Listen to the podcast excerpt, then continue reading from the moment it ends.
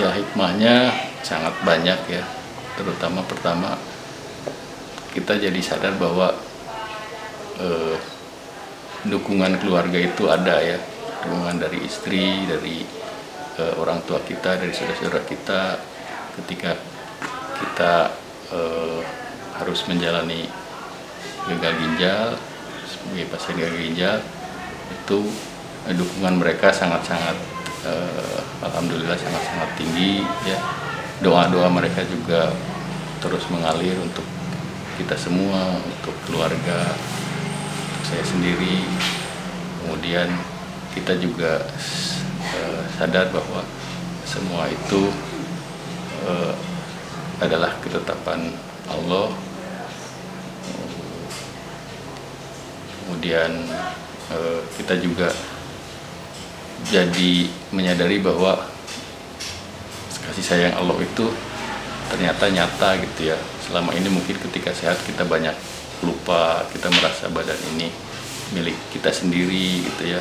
Kita dipakai ke mana bertualang ke sana ke sini gitu. Istilahnya aber-aberan lah.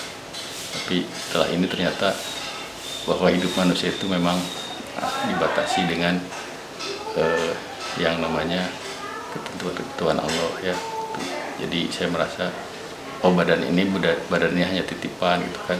Allah yang memberi sakit ya Allah juga yang akan menjaganya memberi rezeki untuk pengobatan dan sebagainya gitu. kemudian eh, kita juga jadi sadar ya, untuk hidup itu tidak semau kita gitu ya.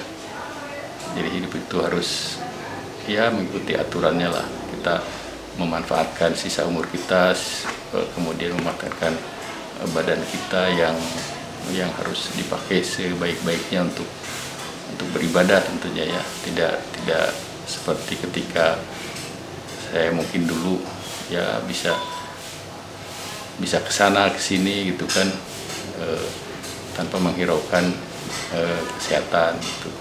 Nah sekarang kita harus berhati-hati, harus menjaga juga. Tapi dari sisi di balik itu kita juga merasakan harus sangat-sangat bersyukur ya.